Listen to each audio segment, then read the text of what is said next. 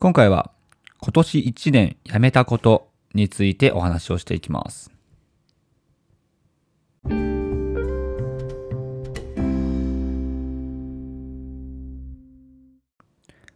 こんばんは。ヒロトのふらーっと独り言。12月14日の配信をしていきます。はい。えー、そろそろ12月も折り返し地点を迎えるということで、今年も約あと2週間ほどで終わってしまいますけども、いやー、もう2020年、あっという間ですね。この話、あの、大体冒頭でしてるな、最近。もうね、あの、イントロを考えるのって結構一番僕の中では難しいんですよね。どう本編につなげていくかってことをいつも、まあ、考えながらやってるんですけども、まあ、日にちのこととか、ね、その年のことについては結構ね、触れやすいので、まあ、ちょこちょこ使っちゃったりしてるんですけども、はい。まあまあまあ、まあ、皆さんの2020年はどんな感じだったでしょうか。はい。それもこれもあと2週間で終わってしまいます。さて、悔いのないように過ごしたいですね。えー今日はそんな1年が終わることにちなんで、今年1年やめたことについてお話をしていこうと思います。はい。えーいわゆる断捨離というやつなんですけども、まあ、この本当にね、年末とかになると、まよく皆さん、まあ大掃除をお家の中でする方多いのかなと思うんですけども、えー我が家もですね、やっぱり年末の時期になると、もう一斉に、ね、大きなものを動かして、まあ掃除したり、もういきなり断捨離を始めたりと、ね、もう大騒ぎな、えー年末になるんですけども、まあ、もちろん基本的には、まあ、物を捨てることが、前提の、ま、断捨離かなっていうね、個人的な印象あるんですけども、えー僕はですね、ことの断捨離も、ま、すごく、大事なのかなって思ってます。このことの断捨離に関しては、えー結構ですね、いろんな、ま、著名な方が、えーそれこそラジオで配信をしていたり、まあ、もう検索すればね、ブログとか、あの文章でもいろいろとそういうことについては触れているので、うん、改めて、まあ、物だけじゃなくて、こと、何をしないか、そして何をやめたかってことについても、えーしっかりと考えていくのが、まあ、すごく大事なのかなと思ったので、今日は、えー自分自身のことの断捨離についてお話をしていこうと思います。はい。えーまず、結論から言うと、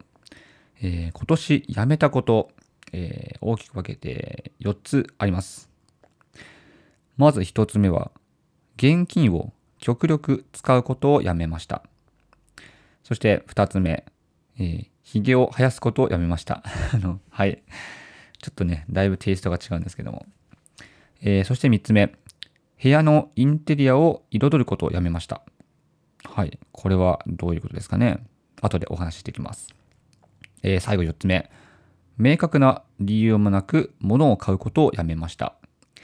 まあ、これは、えー物を買うのをやめたわけなんですけども、まあ、こういう明確な理由もなく買うという、まあ、行為なので、はい、ことの断捨離になるのかなと思って、えー入れました。はい、えー今4つ挙げたんですけども、まあ、1つずつ、ね、簡単にお話をしていくと、まず、現金を極力使うことをやめた。えーこれに関しては、えー単純にですね、今もうスマートフォン、ね、1台あれば、決済できるところ、もうたくさんありますよね。まだほんの一部、まあ、現金だけの、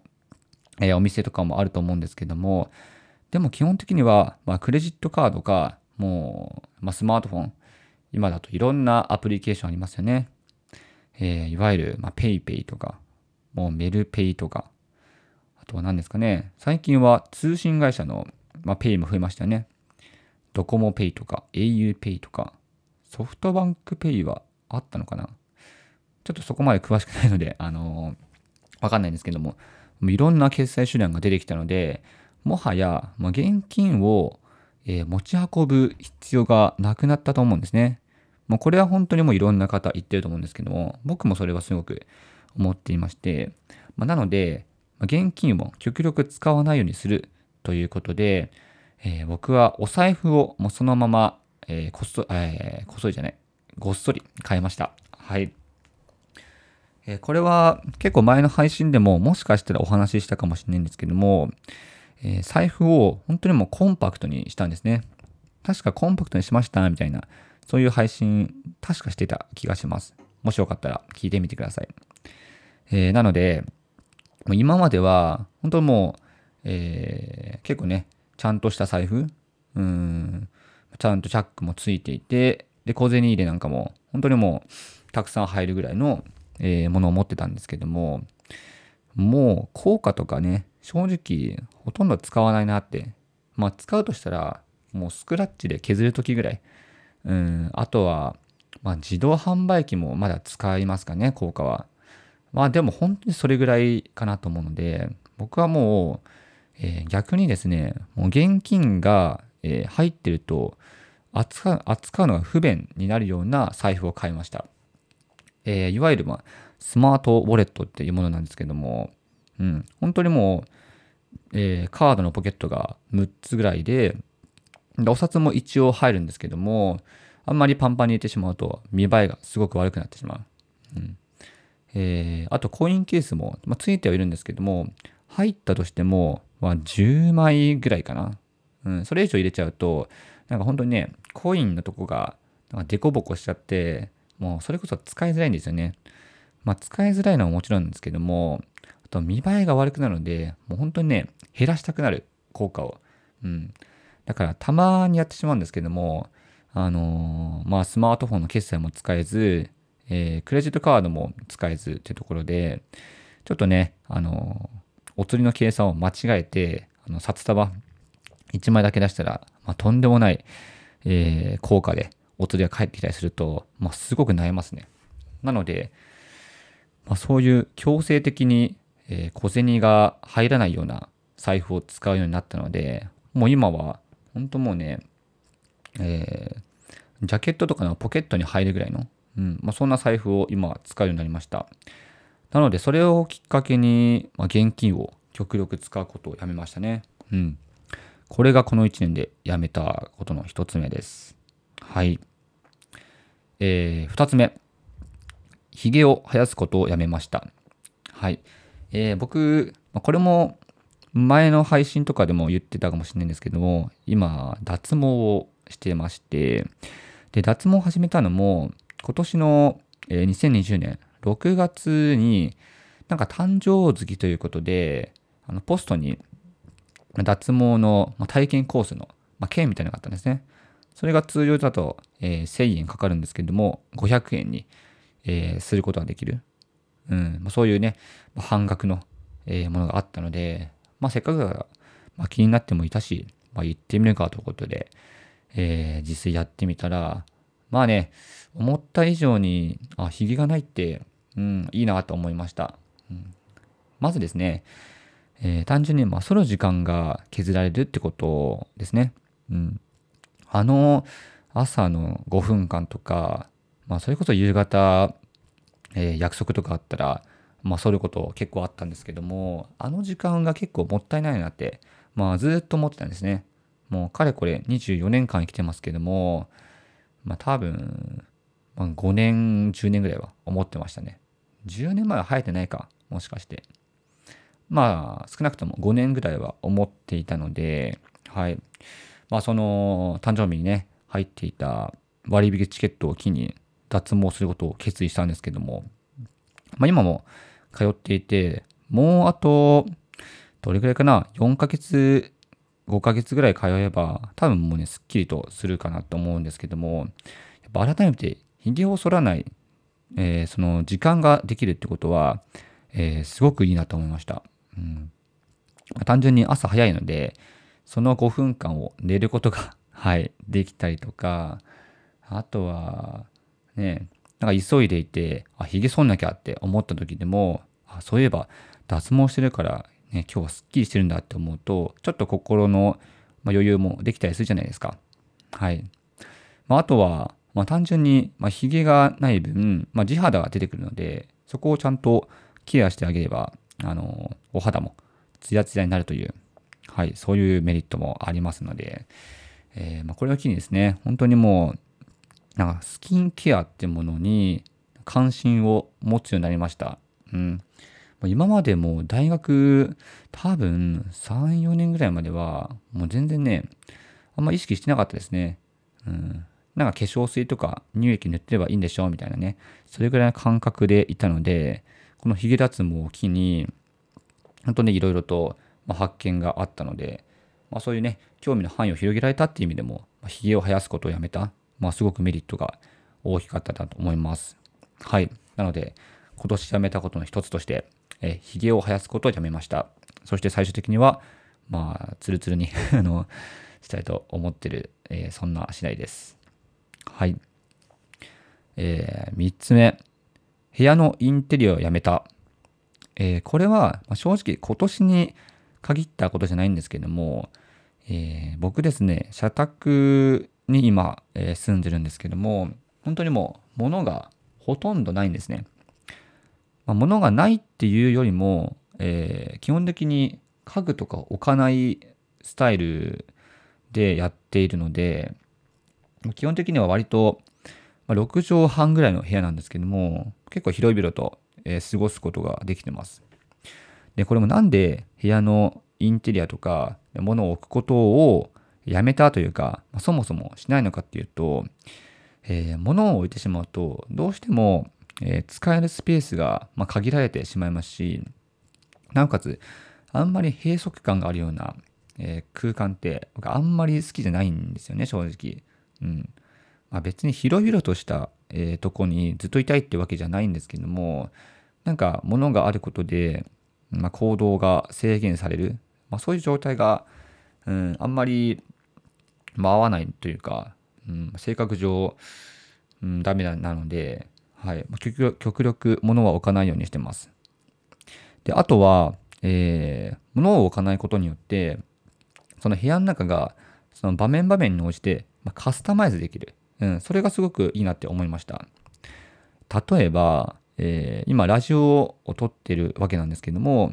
まあ、机を置いて椅子を、ね、座ってでマイク1本立てればそこはもう、えー、ラジオを配信するスタジオに変わりますしあとは日頃30分ぐらい、えー、毎日ですねほぼほぼ、え筋トレをしてるんですけども、まあ、やっぱマット一つ弾ける環境というか、え空間があればもうそれでもうフィットネスジムのあのね簡易版的なのができますし、あとは何ですかね。それこそ、えー、まあ、ベッドも置いていないので、まあ、寝袋で寝てると、やっぱ寝袋って本当に、簡単に収納とか、えー、折りたたみもできるので、うん、例えば掃除するときに、まあ、すごく楽ちんです。うん、本当にもう、ね、掃除するときも楽ちんですし、うん、部屋をきれいにするときにあんまり困ったことないですね。うん、まあ、なので、いろいろと、まあ、スペースがあることですね。それが、えー、すごく求めていたので、うんまあ、部屋のインテリアを、まあ、もちろんね、凝ることによってその個性が出たりとか、あとは家に帰った時に癒されるっていうあのメリットは、ね、すごくわかるんですけども、僕はそこを取るよりも、えーまあ、スペースを設けて、いろいろとカスタ、えー、場面によってカスタマイズできる状態に、まあ、したいと思っている派の人間なので、そういった意味では、まあ、部屋のインテリアを、えー、やめました。うん。なんか刺激は、まあ、外部に求めようかな。まあ、外でいろいろやろうかなと、そういうふうに割り切っているので、はい。部屋のインテリアもやめたというか、えー、ずっとやってないことの一つです。はい。えー、最後。明確な理由もなく物を買うことをやめました。ということで、えー、これはまあ、読んで字のごとく、まあ、買う時の行動ですね。うん。まあ、以前は、うん、まあ、なんとなく、これ欲しいなって思っていたものを、えー、ちょこちょこ買っていたりはしたんですけども、まあ、といってもそこまで物欲が強い方じゃないので、うん、まあ、人並み以下ではあったと思うんですけれども、えー、よりですね、なんかこれを買う理由はこうこうこうだから買うんだっていう、まあ、自分の中でいろいろと自問自答して、えー、それでよしじゃあ買おうと、ね、納得いったら買うみたいなねそういうふうに買い物をしたことによってなんかもう買った後のその満足感っていうのは全然変わりました正直うん、これは本当に変わりました。えー、その買うもの自体も別に安いものを買うとかじゃなくて、たとえちょっと高価なものであったとしても、自分は今、えー、これが欲しい、えー、こうこうこういう理由で、え、必要だからこれを買うんだっていうふうに、え、考えたことによって、よりね、あの、たとえ高価なものであったとしても、え、すごくですね、もう値段に関する、まあ、後悔とか、あもっと安いものにしとけばよかったなっていう感覚はもう全然ないですね。はい。まあ、なので、ちゃんと、まあ、理由を持って自分の中で、うんまあ、落とし込んで物を買うっていうのが結果的に満足感につながっていくんだなっていうことを、えー、この2020年に、感じたので、はい。まあ、明確な理由もなく物を買うことをやめた。うん。これは一つ、まあ自分の中で大きかなった、大きかった、大きかったなって思います。もうダメですね。もう僕、あのー、結構ね、長い間喋ると、本当に言葉が、まあ、出てこなくなっちゃうので、うん、ちょこちょこたまに水を飲んだりしてるんですけども、今日は水を飲まずにやってますね。はい。で、まあ、こんな感じで、えー、今、4つあげました。今年やめたこと、1つ目、現金を極力使うのをやめた。2つ目、髭を生やすことをやめた。3つ目、部屋のインテリアをやめた。4つ目、明確な理由もなく物を買うのをやめた。えー、以上が今年2020年、えー、僕がやめたことです。はい。えー、いかがだったでしょうか？いかがだったでしょうかって言われても、もう自分のことをただ言っただけなので、まあ、どうこうってことじゃないんですけども、あ皆さんもね、ぜひともこういう自分がやめたこと、やりたいことももちろんですけども、やらないことについても考えると、まあ、すごく心も軽くなりますし、えー、気持ちに余裕もできると思うので、ぜひとも、えー、機会あったら考えてみてほしいなって思います。はい。えー、今年、あと2週間ですけども、えー、楽しんでいきたいなと思います。この2010年。はい。そして、2021年、まあ、明るく迎えられるように、えー、やっていきたいと思います。はい。えー、今日はそんな感じで、今年1年辞めたことについてお話をさせてもらいました。また明日以降も元気に配信をしていくので、ぜひとも楽しみにしていてください。それでは、バイバイ。